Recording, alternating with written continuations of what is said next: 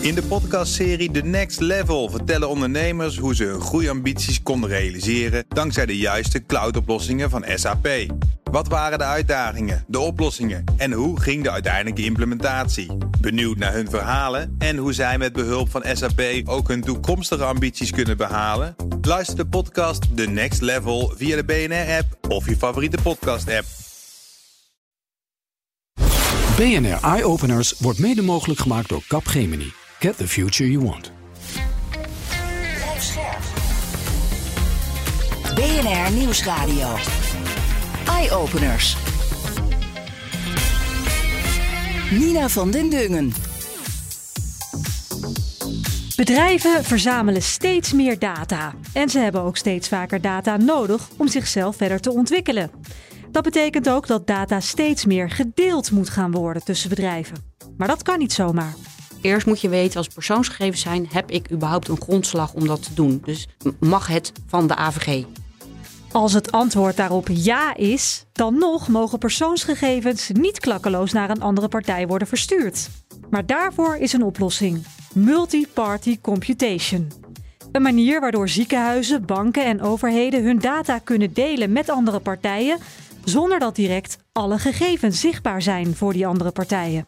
Het is wel een techniek die nog steeds duurder is dan, dan gewone data-analyses. We zitten echt nog wel in een vroege fase waarbij we samen met de klant kijken: oké, wat wil je precies? Het lijkt logisch dat deze techniek steeds vaker gebruikt gaat worden, ook in het bedrijfsleven.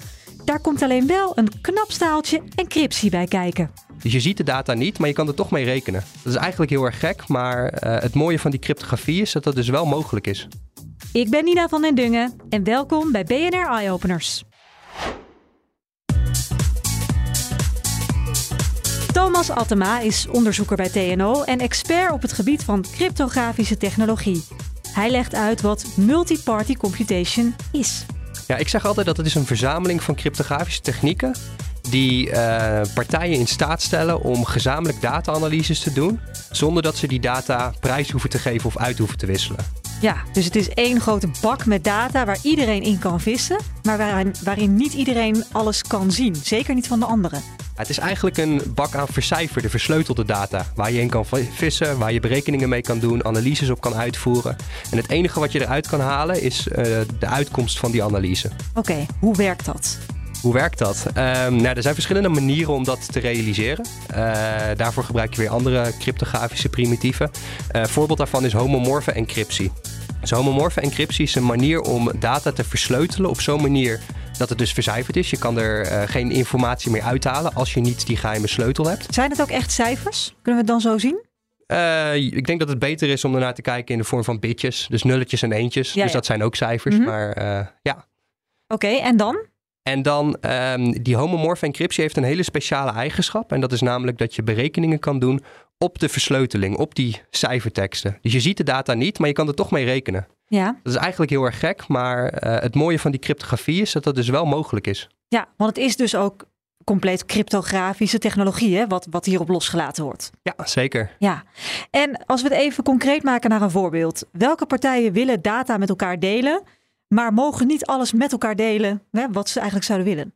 Nou, een heel erg uh, actueel voorbeeld waar we ja, recent ook hard aan gewerkt hebben, is een, uh, eigenlijk een samenwerking tussen de SVB, de Sociale Verzekeringsbank, en de UWV. Mm -hmm. um, en het probleem waar we daar tegenaan lopen is dat er uh, veel ouderen zijn die recht hebben op een aanvulling van hun AOW-uitkering, omdat ze anders onder de armoedegrens terechtkomen, ja. maar dat niet weten. Die dus dat nooit aangevraagd hebben? Die hebben dat nog nooit aangevraagd en die leven dus eigenlijk zonder dat het nodig is onder de armoedegrens. Mm -hmm. En uh, de SVB, wat die eigenlijk wil doen, is die wil uh, die partij of die personen wil die benaderen. Uh, zodat ze die aanvraag kunnen doen en ja. boven de armoedegrens uitkomen. Maar de SVB heeft niet de data om dat te doen. Want die weet namelijk niet wat de inkomens zijn van de ouderen in Nederland. En dat weet het UWV? De UWV weet dat wel. Dus wat je eigenlijk wil, is je wil dat de SVB een analyse kan doen, een berekening op de data van het UWV. Zodat ze die personen, die ouderen, kunnen benaderen. Oké, dit, dit klinkt eigenlijk heel ingewikkeld voor iets wat in, hè, in theorie heel simpel is. Want het is namelijk, wij willen jullie geld geven. Dus uh, ik heb de data van het UWV nodig. Het is letterlijk voor een goed doel. Nou komen we natuurlijk meteen het juridische. Maar waarom kan een UWV dan niet gewoon de namen doorgeven van de mensen om wie het gaat? Het probleem is dat het SVB dus nog niet weet wie die namen zijn. Dus die weet niet uh, uh, welke personen recht hebben op zo'n uitkering. Nee, ze weet Dus- alleen dat ze te weinig uitkeren. Ze hebben veel te Ja. veel geld op de plank liggen. Ja, dus de, de, de schattingen die nu gemaakt worden, is dat eigenlijk 30 tot 50 procent van de personen die recht hebben op zo'n aanvullende uitkering, eh, die uitkering niet ontvangen. Nee, Dus wat, wat, wat er zou kunnen gebeuren, is inderdaad dat het SVB gewoon alle data van de UWV krijgt. ja. Ehm, en dan die analyses gaat doen en die uitkeringen gaat, eh, gaat Mhm. uitkeren. Mhm. Dat zou kunnen. Eh, maar dat is buitenproportioneel. Want dat betekent namelijk dat de SVB namelijk ook de inkomensgegevens te zien krijgt van al die ouderen die helemaal geen recht hebben op die aanvullende uitkering. ja, ja. Dus En dat mag weer niet volgens de AVG, als exact. privacywetgeving. Ja. Ja. Dus dan, dan, dan moet de SVB moet namelijk inzicht krijgen in veel te veel data. Veel meer data dan nodig is eh, voor, eh, voor het doel wat ze nastreven. Mhm. Dus daar lopen we eigenlijk tegen een soort van tegenstrijdigheid aan, een, een probleem. We hebben Ja. een goed doel, een gezamenlijk doel. We willen namelijk die, eh, die ouderen benaderen. Maar vanwege privacywetgeving, proportionaliteit, eh, mag die analyse niet zomaar uitgevoerd worden. Nee. En dat zou dus wel kunnen met multi-party computation. Omdat dan het UWV al de gegevens, alle data eh, helemaal versleuteld aan kan leveren. Exact. En dan, het klinkt natuurlijk wel een beetje ingewikkeld, dan laat het, de SVB laat een paar berekeningen los daarop. Kan je daar wat meer over vertellen? Hoe, hoe werkt dat dan technisch? Dus wat, eh, dus wat er eigenlijk gebeurt, inderdaad, zoals je zegt, de UWV die versleutelt die data. Dus dat is best wel veel data. De UWV versleutelt die data en stuurt de versleutelde data naar de SVB. De SVB die kan daar eigenlijk niks mee. Die kan daar geen relevante informatie uithalen. Niet herleidbaar en dat Het is niet dingen? herleidbaar, ehm, maar die kan wel berekeningen daarmee gaan doen. Dus dat is, een, dat is enigszins tegenintuïtief, maar die cryptografische protocollen hebben nou eenmaal die eigenschap dat je daar eh, berekeningen mee kan doen. Dus je kan bijvoorbeeld twee vercijferde stukjes data kan je bij elkaar optellen. Mhm. Nou, dat is een stap die ook gebruikt wordt. Want wat er namelijk gebeurt is, we hebben bijvoorbeeld de inkomens van individuen, die zijn versleuteld. En dan willen we vervolgens uitrekenen wat zijn nou de inkomens per huishouden. Nou, dat betekent dat we verschillende inkomens bij elkaar op moeten tellen. Nou, dat kunnen we allemaal op die versleutelde data doen. En vervolgens worden die analyses gedaan. En eh, wordt er een eh, gezamenlijk eh, met het UWV dus een check gedaan van nou, welke van die versleutelde gegevens komt boven of onder die armoedegrens uit, onder die threshold. En alleen die gegevens die worden onthuld. Ja, en dan krijgt dus eigenlijk de SVB meteen de namen hè, om wie het gaat. En die kunnen ze dan benaderen met een brief of Ja. zoiets. Exact, dat is het idee. Dat is een duidelijk voorbeeld van wat twee partijen kunnen doen met versleutelde data. Multi-party computation is dus een manier om data zo te delen dat andere bedrijven alleen de versleutelde gegevens krijgen die ze nodig hebben voor hun eigen toepassing, zonder de hele dataset in te kunnen zien. En dat kan handig zijn voor heel veel partijen.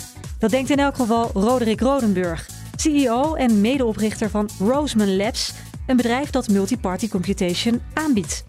Neem bijvoorbeeld drie ziekenhuizen. Die willen onderling een analyse doen wie de meest effectieve behandelmethode heeft. Nou ja, voor een bepaald type kanker bijvoorbeeld. Normaal gesproken zouden ze al hun data naar één centraal punt sturen. Ja? En daar ga je analyses doen, dingen uitrekenen. Met multiparty computation houdt iedereen zijn brondata onder eigen controle. En reken je over het internet op versleutelde data diezelfde analyse uit. Maar niemand ja, deelt zijn data met een ander. Nee, dus ik wou zeggen, dus als ik een ziekenhuis ben en jij ook, Ja. dan kan jij dus niet zien welke patiëntgegevens ik allemaal deel. Jij krijgt alleen van mij een hele reeks nulletjes en eentjes.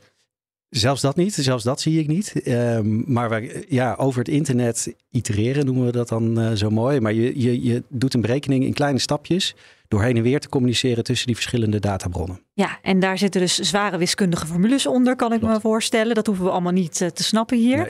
Maar de basis is dus wel dat al mijn geheime data toch bij jou eh, terecht kunnen komen waar jij iets mee kan, waar je analyses op kan loslaten, zonder dat je weet Ja, wat mijn data nou allemaal zijn. Ja. En om wie het gaat. klopt. Ja, je hebt eigenlijk twee unieke eigenschappen van de techniek. Het ene is dat je kunt rekenen op versleutelde data. Dus je hoeft data niet meer te ontsleutelen, waardoor je erin kunt kijken. Dus dat geeft eigenlijk hele sterke security of Ja, veiligheidseigenschappen. Ja. En, maar de privacy komt eigenlijk vanuit een andere eigenschap. En dat, dat is een eigenschap dat jij als eigenaar van de data altijd in controle blijft wat er met die data gebeurt. Dus als ik iets uit wil rekenen, dan geef jij toestemming voor die bepaalde berekening. Ja. Dus in tegenstelling tot data delen, dan stuur ik mijn data op en dan moet ik jou vertrouwen dat je niet toevallig ook nog iets anders gaat uitrekenen met die data. Of ze verder verspreid. Dat is helemaal. eh, Mm. ja. En dat is, al, dat, dat is allemaal hiermee dus eh, secured. ja, Dat kan gewoon niet gebeuren. Als je het goed opzet, wel, ja, inderdaad. De- Het blijft natuurlijk wel, weet je, ik, wij zeggen altijd, de security is natuurlijk zo sterk als de mens Ja, in de vergelijking. Eh, dus je kunt het, ehm, goed vergelijken. Ik, neem altijd het voorbeeld van de remmen van een auto of van een vrachtwagen. De remmen van een auto die werken als het hele systeem werkt. Dus dan druk je op het rempedaal, komt die auto tot stilstand. De remmen van een vrachtwagen werken precies andersom. Die vrachtwagen die kan pas gaan rijden als het remsysteem in orde is. Dan kan die luchtdruk, die kan die remmen losmaken van de wielen en komt die vrachtwagen in beweging. Zo werkt deze techniek ook. Je kunt pas iets met die data als aan alle voorwaarden voldaan is. Dan kan je pas rekenen. Zo fijn dat je dat even in, in autotermen doet. Dan snap ik het ook meteen helemaal. Um, jullie bedrijf maakt dit. Jullie maken dit soort softwarepakketten. Het zijn softwarepakketten, neem ik aan. Hè? Klopt. Ja, dus kun, je kan het gewoon op een, op een standaard computer in elk bedrijf zou je dit kunnen installeren. En dan kun je gebruik maken van multiparty computation. Inmiddels wel. Dus we, we hebben er echt een standaard product van gemaakt waarmee elke data scientist uh, die reguliere taal, dus Python in dit geval, kan. Die kan zonder cryptografische kennis kan hij toch rekenen op dit soort gevoelige data. Zonder al die risico's die daar normaal gesproken mee uh, gepaard gaan. Ja, en jullie zijn een van de weinige bedrijven die dit al aanbieden, hè? Ja, klopt. Hoe kan het dat dit nog zo, zo klein is? Want encryptie, dat bestaat al heel lang. Ja, ja heel lang. De, de, de, de, de encryptie zoals we die kennen, dat noemen we eigenlijk cryptografie 1.0. Daar probeer je je data te beschermen tegen mensen van buiten. Dus een aanvaller of iemand die geen toegang tot het systeem mag hebben. Dit noemen we crypto 2.0. En daar bescherm je de data ook tegen mensen die in het systeem zitten. Dus bijvoorbeeld medewerkers. Uh, je zorgt eigenlijk dat mensen pas bij de data kunnen als je zeker weet dat ze daar recht bij mogen. Ja. En het grote nadeel van deze techniek, tot voor kort, hè, je kunt je voorstellen dat als je over het internet een berekening doet, dat opeens de internetsnelheid de bottleneck wordt van je berekening. Nou, en daar is de afgelopen vijf jaar eigenlijk zijn daar enorme stappen gemaakt om die, uh, om die performance van die, uh, van die software te verbeteren. En wij met Roseman Labs hebben daar echt een enorme stap in gemaakt. Dus we, we hebben in, in een jaar tijd zijn we afhankelijk van type berekening 1500 tot 15.000 keer sneller geworden. Waardoor je het ook echt praktisch kunt gaan toepassen. Dus dan heb je het niet meer over kleine datasets van een paar duizend regels, maar over miljoenen regels die je kunt verwerken. Nou, en dan kan je dus opeens praktische use cases, zoals in de zorg of in de publieke sector, kun je gaan doorrekenen. Ja, en hoe zit het met het bedrijfsleven, het MKB? Kunnen die hier ook wat mee? Jawel, dat kan wel, maar uh, en dat doen we eigenlijk ook. Hè. Dus bijvoorbeeld de Nederlandse Vereniging van Podotherapeuten, die gebruikt nu onze software om de effectiviteit van een, uh, van een behandeling uh, te onderzoeken. Mm -hmm. um, maar dat zit wel in de beginfase. Hè. Dus we hebben ons eerst gericht op het makkelijk beschikbaar krijgen van de software. En nu gaan we ook het product zo bouwen dat je het ja, dat, dat, dat het heel snel en, en heel toegankelijk inzetbaar is. Dat het ergens te implementeren is. Ja. ja. Ja, want er zijn zoveel data en, en steeds meer bedrijven leunen daar ook echt op en willen ook misschien wel analyses doen op elkaars data. Ja. Dat ik me kan voorstellen dat dit uiteindelijk heel normaal wordt, dat het in elk bedrijf is. Ja, dit, dat denk ik eigenlijk ook. Weet je, wat we merken bij het toepassen van deze techniek. Kijk, de techniek is heel, klinkt heel complex en dat is hier onder de motorkap ook. Ja. Maar het toepassen ervan geeft een enorme vereenvoudiging. Dus zowel op juridisch vlak, omdat je je data niet meer deelt en omdat je controle houdt op je data, wordt eigenlijk het juridisch kader wordt veel eenvoudiger. Mhm. Ehm, maar ook op technisch vlak. dus je, je kunt je voorstellen dat als je niet meer die enorme bakken met data overal hebt staan, dat het veel eenvoudiger is om, om, om de boel te beveiligen. Ja, ja. Uh, dus, dus we zien dat je veel sneller kunt gaan samenwerken op die data. En dat is waar het over gaat. Hè. Dus uh, partijen in de zorg, die willen helemaal niet bezig zijn met het beveiligen van hun data. Die willen weten, wat moet ik doen om een behandeling beter te maken? Ja. Aan de andere kant zeg je zelf al juridisch, um, dan wordt het dus makkelijker om aan juridische regels te voldoen. Maar het feit is wel dat er gewoon wetgeving is, Europese en Nederlandse wetgeving, die aangeeft je mag echt niet alles delen. Exact. Ook niet dus versleuteld. Ja, gelukkig. In hoeverre lopen jullie daar tegenaan? Nou, dat, dat is eigenlijk heel fijn. Want wat je niet zou willen is dat NPC een soort ja, witwasmachine voor het gebruik van gevoelige gegevens wordt. Hè? Dus dat willen we ook niet. Je moet altijd een grondslag hebben voor een bepaalde verwerking. Maar als die grondslag er is, dan kun je eigenlijk veel beter uh, en, en ook eenvoudiger invulling geven aan een paar hele abstracte begrippen, zeg maar, uit de, uit de AVG. En een daarvan is bijvoorbeeld doelbinding of dataminimalisatie. Mm -hmm. ja, dus hoe zorg ik, doelbinding is, hoe zorg ik dat ik continu in controle blijf over wat er met mijn data gebeurt. En dan wordt het opeens heel complex als ik die data weggeef. Ja, maar nu blijft hij bij de bron. Precies. En daarmee voldoe je al aan een, aan een bepaalde wetmatige regel. Ja, dan kan je in ieder geval veel beter uitleggen hoe je die ingevuld hebt. Thomas Attema van TNO heeft ook nog wat voorbeelden van bedrijven die dit kunnen toepassen. Het probleem wat er eigenlijk gebeurt is dat er meerdere indicatoren zijn bij verschillende partijen dat iemand in betalingsproblemen komt. Bijvoorbeeld als er één factuur niet betaald wordt, is dat niet gelijk een, uh, alarmbel die afgaat. Dat kan gewoon gebeuren, er kunnen allerlei redenen voor zijn. Wil niet gelijk uh, betekenen dat die persoon in de armoede zit of betalingsprobleem heeft. Maar als dat op heel veel verschillende plekken gebeurt, dus als er één individu is uh, die heel veel uh, facturen niet betaalt, nou dan is het misschien wel uh, tijd om in te grijpen voor mm. een overheid en gemeente. Uh, en ehm, het lastige daarin is, is dat die signalen die zijn verspreid over meerdere partijen. Ja. Maar die partijen mogen natuurlijk niet met elkaar aan elkaar uitwisselen wie er betalingsprobleem heeft. Dat zou een ontzettende inbreuk zijn op de privacy. Ja. Dus dat is eigenlijk al een ja, vrij gerelateerde andere toepassing van, van die multiparty computation. Want dan zou je één vergaarbak maken waar, laten we even het heel plat zeggen, probleemgevallen in zitten. Waar bedrijven uh, hun, hun uh, berekeningen op los kunnen laten om te kijken of dat bij hun dan ook het geval is? Hoe moet, hoe moet ik dat ja, zien? dat zou kunnen. En, en, en die vergaarbak, nog steeds, het is heel erg belangrijk dat alles wat daarin zit, dat het versleuteld is. Ja. Dus dat je niet... Je kan het uh, echt niet zien je wie kan het niet is. zien wie Nee. erin zit. Het enige wat eruit komt is dat er een alarmbel afgaat als er bijvoorbeeld vijf facturen niet betaald zijn. Ja, Uh, dan, dat, dat, zou, dat zou een voorbeeld zijn van wat, wat je uit zo'n vergaarbak kan halen. ja. Maar voor de rest is alles wat daarin zit, is versleuteld. Ik vroeg me af, is het echt niet te kraken? Ehm, dat, is een, eh, dat is een hele goede vraag. Dus eh, ik zou, ik, op dit moment nee. Dus de, het hangt er vanaf welk cryptografisch protocol je gebruikt. Er zijn eh, eh, multiparty computation oplossingen, die, die noemen we informatietheoretisch veilig. Die kunnen we gewoon bewijzen dat die niet te kraken zijn. Dus als je die op de juiste manier inzet, dan kan geen enkele supercomputer, ook geen quantumcomputer in de toekomst, kan, eh, kan die gegevens kraken. Mhm. Eh, dus dat is een hele sterke vorm. Maar ik hoor een maar bij jou. Nou, er zijn ook andere protocollen ehm, die gebaseerd zijn op eigenlijk bepaalde wiskundige aannames. En dat geldt ook voor heel veel cryptografie die we nu gebruiken. Dus bijvoorbeeld als je een, eh, een WhatsApp-bericht verstuurt. We weten nu dat dat versleuteld is. Maar die versleuteling die is gebaseerd op de moeilijkheid van bepaalde wiskundige problemen. Ja, die kun je dus oplossen. Als je, eh, als je zeg maar honderden jaren aan rekenkracht hebt, dan kan je die inderdaad oplossen. Ja. Dus dat is, eh, nou ja, dat is eigenlijk niet realistisch dat je die, eh, dat je die versleuteling kan kraken. Ehm, toch gebeurt het wel. Hè? Ook als we kijken naar de recent alle criminele telefoons die hè, in het criminele circuit werden gebruikt. Dat was een, een zware encryptie die daarop lag. Die is gebroken. Ja, wat er, wat er daar eigenlijk gebeurd is, is dat niet dat wiskundige probleem waar ik het over had, dat is niet gebroken. Dus het cryptografisch protocol wat daar gebruikt is, is nog steeds veilig. Ja, maar Alleen het is ontcijferd. het is ontcijferd en de reden dat het ontcijferd is, is dat het op de verkeerde manier is toegepast.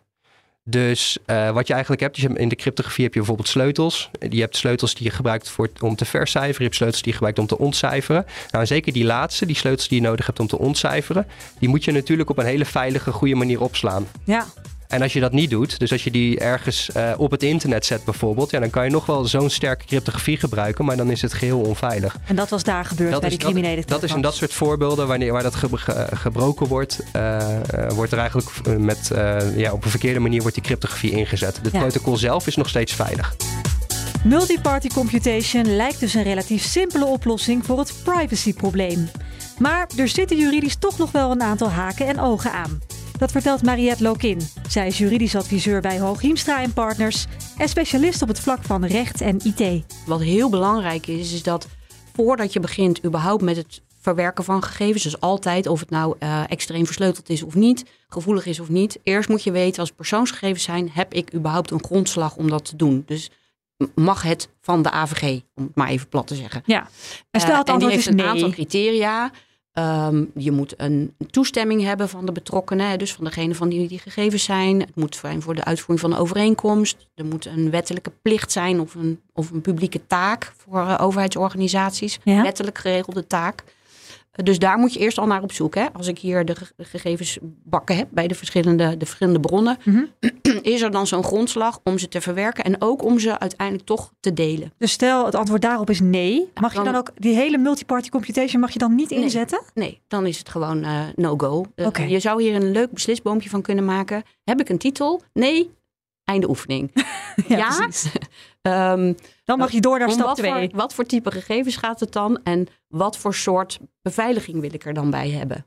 Ehm, eh, want dan, eh, dan kom je dus in de vraag van, hey, hoe gevoelig zijn die gegevens? De AVG eist ook dat je privacy by design doet. Dus eigenlijk al in de manier waarop je het gaat inrichten, die verwerking meeneemt, hoe je eh, de bescherming voor, uh, voor degene van wie die gegevens, over wie die gegevens gaan regelt.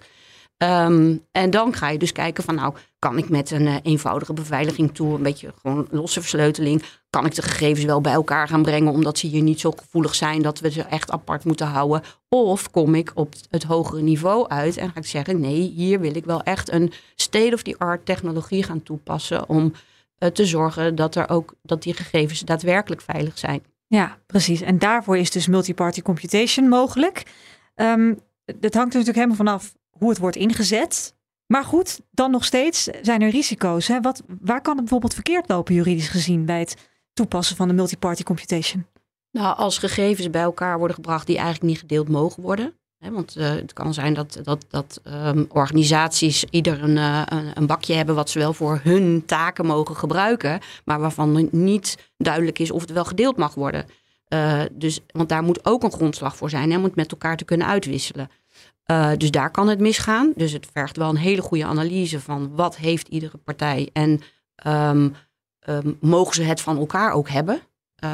hoewel je, je zou denken van ja, het komt niet bij elkaar, dus ze hebben het niet, maar het wordt toch het wordt toch uiteindelijk gedeeld. en dat mag virtueel gedeeld. Ja, volgens dus de wet. Dat is belangrijk. Mm -hmm. En wat ook heel belangrijk is, is dat, dat er een goede analyse wordt gedaan op wat is precies de betekenis van gegevens in de context waarin ze verzameld zijn. Dat ja. klinkt eh, misschien wel inderdaad heel juridisch. Maar als je bijvoorbeeld uh, gegevens hebt uit, uh, toch nog maar even noemen, uit de hoek van de belastingwetgeving en gegevens uit de hoek van de pensioenwetgeving, dan, dan zijn dat misschien wel op het oog dezelfde soort inkomensgegevens, hè, om dat maar even te noemen, dezelfde ja. soort bedragen. Ja. Maar die inkomensbegrippen die kunnen best wel verschillen in het ene wetgevingsdomein en in het andere wetgevingsdomein. Uh, hè, dus, dus wat eronder verstaan wordt, wat er wel en niet onder valt. Ja. En je kunt dus niet per definitie, als je bakjes met bedragen hebt, die bij elkaar, of nou die ga je hier niet doen, maar daarop versleuteld gaan rekenen. Terwijl er eigenlijk een betekenisverschil in zit. Ja, dan krijg je, een hele, krijg je wel een uitkomst. Dan maar die uitkomst, uitkomst, is dan, maar dan multi-interpretabel. Je, misschien wel hè, letterlijk de appels en de peren aan het optellen. En dat is ook niet de bedoeling, want dan is je uitkomst nog steeds niet goed. Nee, maar hoe Dus de ondervang je dit risico dan? Want dit Nou, lijkt me een heel, heel ja. serieus risico. Nou ja, ik, ja, ik vind dat dus echt heel erg interessant. Want dat is een van de andere dingen die ik gedaan heb eh, eh, als het gaat om wetgeving en ICT.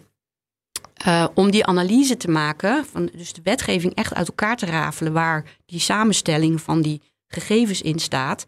En te kijken van, oké, hebben we hier nou dezelfde componenten of niet? Dus het bedrag wat in de, in de database zit, hè, van de verschillende eh, partijen, van de verschillende bronnen, is dat dan ook hetzelfde of niet? Eh, en ik denk dat we wat dat betreft ook gewoon nog heel veel juristen nodig hebben die dit soort dingen leuk en interessant moeten vinden en zich daarin willen verdiepen. Omdat eh, die hebben we echt nodig. Ook als je de meest geavanceerde technologie hebt, die heb je echt nodig, zeker bij de, in de overheidsdomein, om eerst te bepalen eh, waar hebben we het over en wat, hè, als we dat weten, wat kunnen en wat mogen we er dan allemaal mee. Ja, dus in die zin is het voor jou bijvoorbeeld, zeg jij, het is heel belangrijk dat er altijd juridisch wordt getoetst vooraf, Ja. zeker bij overheidsinstanties, voordat je dit multi-party computation gaat toepassen. Ja, en, en niet alleen op, eh, nou ja, weet je wel, mag het? Eh, maar ook heel erg op Heeft het waar zin? hebben we het hier over? Heeft Ja. het zin? Waar hebben we het hier over? En ehm, wat zijn de. Ik, ik ben altijd erg van denken vanuit de mogelijkheden. En als je die analyse vooraf goed doet, dan kun je ook veel meer vanuit de mogelijkheden denken dan, dan als je achteraf zegt van oh, joh, dit had eigenlijk niet gemogen. Nee, precies. Hey, en een heel ander risico wellicht is, ehm, is het voor de toezichthouders niet veel moeilijker om nou te gaan checken van wat wordt er nou precies gedeeld? Kun je dat heel makkelijk inzichtelijk maken met deze technologie? Of wordt er eigenlijk heel veel verborgen, juist omdat het allemaal eh, versleuteld wordt? Nou, als een, een toezichthouder zou komen en zeggen van ja, ik wil wel even weten wat jullie allemaal aan het doen zijn, dan moet de, de, eh, de partijen in kwestie moeten natuurlijk nog steeds wel kunnen laten zien welke gegevensbronnen zij gebruikt hebben, beschikbaar gesteld hebben. Ja, En dus ook de verantwoording waarbij dat dat kan. En dat dat, dat gedeeld mocht worden. ja. En dat voor een toezichthouder, die mag daar wel naar kijken. Maar kan je daar niet heel erg mee voor. Bijvoorbeeld, ehm, je laat één A4'tje zien met een aantal data die je deelt, wat Ja. volgens de juridische eh, zaken allemaal mag.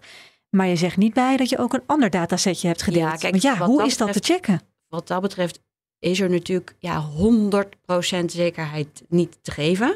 Hè, dat uh, als mensen vals spelen, dan, dan is daar. Dat, dat was ook de, de gedachte toen bij, die, bij dat GGD-datalek. En dat werd eigenlijk een beetje een flauwe opmerking gevonden, ook van de, van de, van de bewindslieden die daarmee te maken hadden. Uh, maar ik denk dat er zit wel een kern van waarheid in.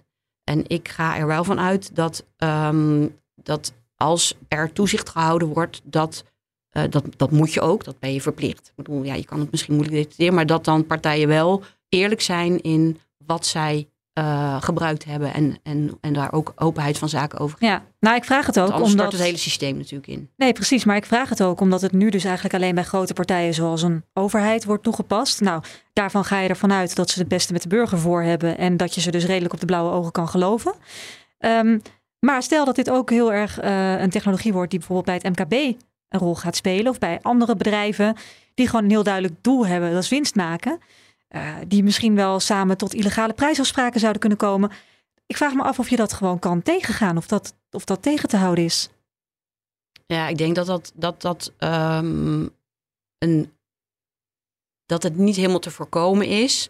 En als het gaat om dat soort prijsafspraken, mededinging, dat dan misschien gaat het dan al niet uh, in het toezicht. Het gaat natuurlijk ook om de gegevens die daarvoor gebruikt zijn. Maar het gaat er ook om dat op een gegeven moment een autoriteit, consument en markt uh, of uh, als het gaat om de financiële wereld, de AFM, ook kan constateren van hé, hey, hier wordt wel op een bepaalde manier ook uit, hè, uit, uit zou ik maar zeggen, andere uh, um, elementen kan constateren van ja, hier gebeuren dingen die niet de bedoeling zijn en zelfs in strijd zijn met de wet. Dus daar moeten we een stokje voor steken. En op het moment dat dan ook nog blijkt dat dat gebeurt op basis van bijvoorbeeld persoonsgegevens die daardoor eigenlijk onrechtmatig verwerkt zijn of waar dingen achtergehouden zijn, komt de AP ook nog wel om het hoekje kijken.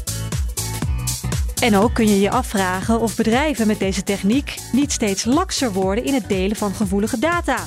Onder het mom van het is toch wel veilig. Roderick van Roseman Labs denkt van niet. Dat risico zie ik eigenlijk niet zo. Want wat we nu juist al tegenkomen is dat je vaak situaties hebt waarvan je zegt van ja, weet je, hier zijn eigenlijk heel makkelijk de risico's weg te halen. En, en de risico's zijn best wel groot. Um, waar het vooral heel mooi is, is als je uh, use cases mogelijk kan maken die met traditionele technologie niet kunnen. dus um, wat je vaak ziet is dat, dat privacy officers nee moeten zeggen omdat ze ja, vinden dat de risico's onvoldoende afgeschermd zijn. En dat is heel pijnlijk als het gaat om het, het effectiever maken van een medische behandeling bijvoorbeeld. Ja. Of een voorbeeld waar we onlangs aan gewerkt hebben, en dat project gaat nu door, is het, het, het blootleggen van criminele netwerken die zich bezighouden met mensenhandel. Daar vergelijken we lijsten van informanten met elkaar iedereen snapt dat een, een opsporingsdienst en, en andere organisaties nooit hun, hun informanten kunnen blootgeven aan wie dan ook. Nee. En nu heb je een techniek die in de blind die lijsten over elkaar heen kan leggen. En kan zorgen dat die organisaties elkaar niet in de weg zitten als ze met elkaar samenwerken. Ja, dat is echt super gaaf. Ja, dat zijn natuurlijk fantastische, sympathieke doelen waar niemand tegen zal zijn. Maar je kan ook nadenken over bedrijven die gewoon hun winst willen vergroten. En die daardoor toch, hè, om het maar even in de prijsafspraken van eh, de bouwverhouden bijvoorbeeld even te gooien. Ja. Die gegevens met elkaar gaan vergelijken en daarmee de prijzen gaan opdrijven. Is dat iets wat totaal niet realistisch is in jouw Ja, zeker, zeker. Ik zie dat ook. Hè. Dus eh, ook Big Tech uh, kijkt naar deze technologie.